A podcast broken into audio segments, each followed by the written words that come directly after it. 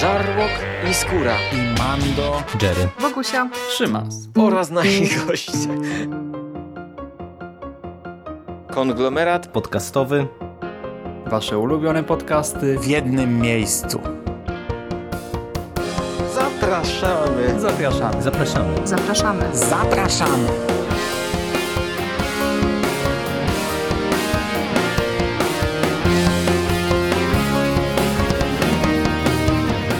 Witam w konglomeracie podcastowym, czyli na platformie, która zbiera wszystkie wasze ulubione podcasty w jednym miejscu. Po tej stronie mikrofonu agent Szymas. Witam was. I dziś chciałbym wam opowiedzieć o trzeciej części z franczyzy Mission Impossible. Trzeci film to znowu nowy zestaw twórców. Tym razem na stołku reżysera zasiadł J.J. Abrams i z naszej perspektywy no to nic szczególnego, nie? No bo twórca znany ma swoją rzeszę fanów, ma też rzeszę ludzi, którzy trochę się śmieją z jego cech charakterystycznych, ale jest jakby nie patrzeć rozpoznawalny, ale wtedy w tym który to był 2006 rok bodajże, no nie do końca tak było. Mission Impossible 3 jest pierwszym pełnometrażowym filmem Abramsa i podobno Tom Cruise obejrzał jego agentkę o stu twarzach i tak się zachwycił właśnie reżyserią, że skontaktował się z JJ-em. A wcześniej brano pod uwagę różnych innych reżyserów.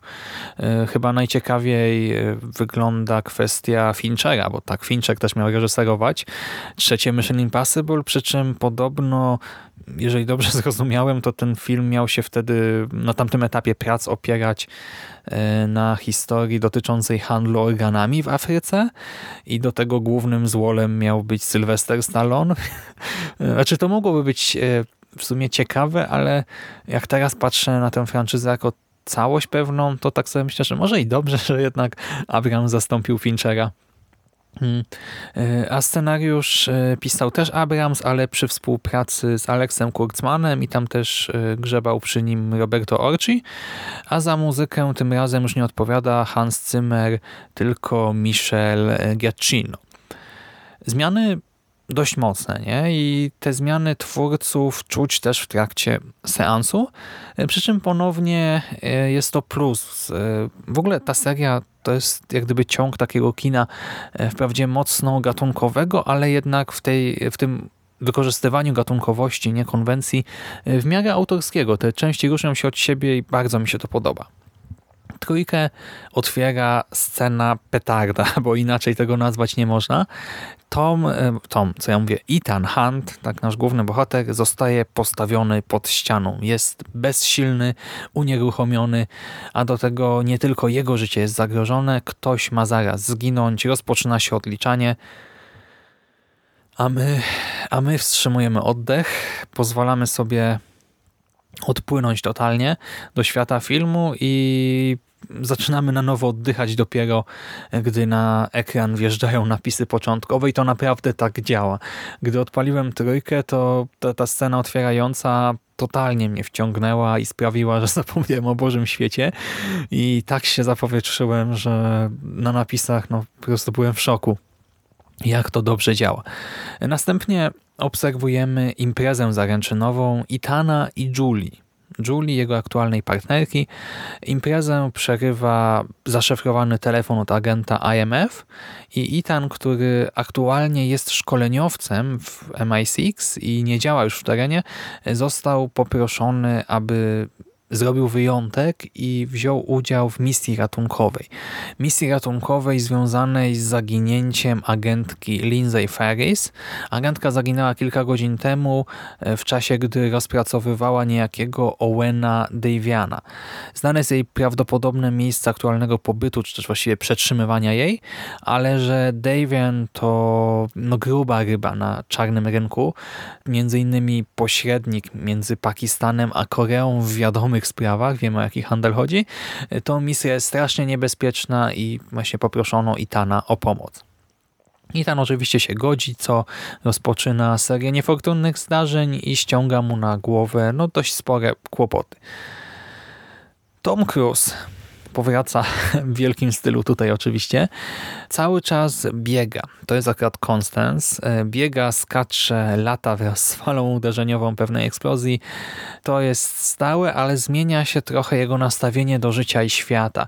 To już nie, to już nie jest ten sam Ethan, co w części pierwszej czy drugiej. E, w pierwszym akcie jest dalej spontaniczny, zabawny, żywiołowy, ale następnie wpada w tarapaty, a potem z deszczu pod rynnem jeszcze raz i wtedy jego optymizm zamiera. Widzimy w niektórych scenach e, zmęczonego, czy też wręcz umęczonego, mm, zestresowanego faceta, gościa w depresji, gościa z obsesją i Tom Cruise wygląda momentami jakby postarzał się o kilka lat. To sprawia bardzo dobre wrażenie po prostu na ekranie. W rolę jego ukochanej wciela się Michelle Monaghan, ale niestety w dużej mierze jest po prostu damulką w opałach, więc no za bardzo sobie nie pograła w gruncie rzeczy. Zobaczymy też Simona Pega, Morfeusza czy doktora Manhattana. Na ekranie akurat Fishburne pełni bardzo ciekawą rolę w tym scenariuszu, ale szczegółów nie zdradzę teraz. Mamy też Zwola, i pewnie pamiętacie, jak w tym poprzednim podcaście e, chwaliłem e, Dorgeya Scotta. E, Scotta za tę grę socjopaty w drugiej części. Tutaj Philip Seymour Hoffman wciela się w Owena Daviena i jest to złoczyńca o kilkanaście klas lepszy. Scott mi się podobał, bo świetnie oddawał tę swoją nieobliczalność, bezwzględność, to balansowanie między spokojem, ale takim pozornym spokojem, a tymi wybuchami swoimi, e, ale Hoffman przy nim e, no, wypada dużo, dużo lepiej. Jest to opanowany, świadomy swojej pozycji, swoich możliwości, e, bezwzględny, konsekwentny w działaniach przestępca i to przestępca z wyższej półki, taki bardziej wyrachowany, inteligentny, nie po prostu złol, a inteligentny facet, który po prostu ma specyficzne podejście do nie wiem, swojej wizji świata, e, sprawiedliwości, dobra i zła. No właśnie i to jest Mission Impossible, więc starcie Hunta z Davianem jest całkiem skomplikowane. E, wymaga akcji, akcji, jeszcze raz akcji oraz niewiele mniejszej w sumie ilości zwrotów, akcji twistów. E, zobaczymy na ekranie masę widowiskowych sekwencji, innymi strzelające rakietami helikoptery manewrujące na farmie wiatrowej, e, czy ładunki wybuchowe wszczepiane przez nos w czaszkę, i to wszystko już w pierwszych 20 minutach filmu tak naprawdę. Y, w ogóle pierwsza godzina mija jak z bicza strzelił. Silne emocje, widowiskowe sceny, konsekwencja, spójność, nie najgorsza logika. Mm, serio, jestem zachwycony tą pierwszą połową filmu. Była cudowna. Y, druga wypada troszkę gorzej. W ogóle mam wrażenie, że w drugiej połowie, po tej godzinie, godzinie z hakiem jest taki moment, gdzie troszkę akcja zwalnia. Tak? Właśnie przez chwilę możemy e, poczuć to, że właśnie oglądamy film, że minęła jakaś tam część czasu, na chwilę ta nasza imersja słabnie, ale potem znowu się wzmacnia i do końca jest dobrze. Pojawia się kilka bzdurek. E, w drugiej połowie na przykład e, najemnicy, którzy napadają na Itana i tam kilka innych osób, mają go na celowniku i mogliby go bez problemu wyeliminować, ale nie robią tego. No i przez chwilę sobie pomyślałem, no może nie chcą go zabić, może to, to ma sens w scenariuszu. No ale chwilę potem strzelają do niego z rakietami, tak, z jakiegoś tam samolotu więc jednak chcą go zabić i e, właśnie w takich chwilach widzimy, że widowiskowość e, totalnie odrzuca logikę na chwilę. Tak ma być efektownie, a niekoniecznie sensownie. Pojawia się też problem, o którym mówiłem przy dwójce, to znaczy e, tak jak wtedy najemnicy wyskakiwali z aktówką w ręku, tak teraz ze spadochronem, tak teraz Itan w jednej z sekwencji ma coś super tajnego i radioaktywnego i zamiast to schować do saszetki plecaka, czy chociaż zamieszkanej kieszeni, no to trzyma to w dłoni i skacze ze spadochronem no mamy takie głupotki, ale na szczęście one nie psują seansu. Film do samego końca trzyma w napięciu, oferuje dwa przeogromne zwroty akcji, które naprawdę sprawiają, że zbieramy szczękę z podłogi, jeżeli o nich zapomnieliśmy. Albo jeżeli film oglądamy po raz pierwszy, mamy efekty specjalne na wysokim poziomie, e, nawet wyższym niż w tych poprzednich filmach. Chyba dublerzy tutaj nie rzucają się w oczy.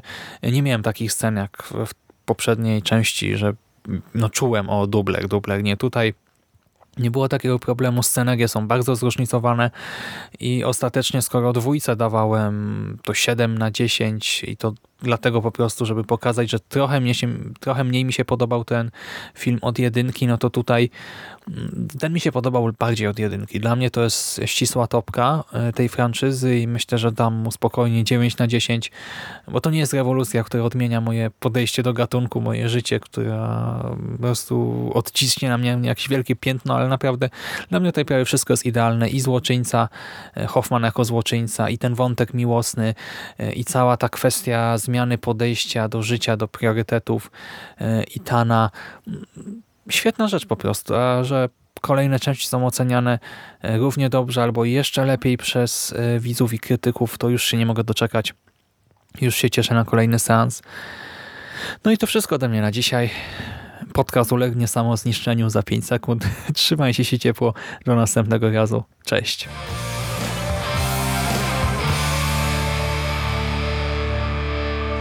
Finished? That's it, man. Game over, man. It's game over. What the fuck are we gonna do now? What are we gonna do?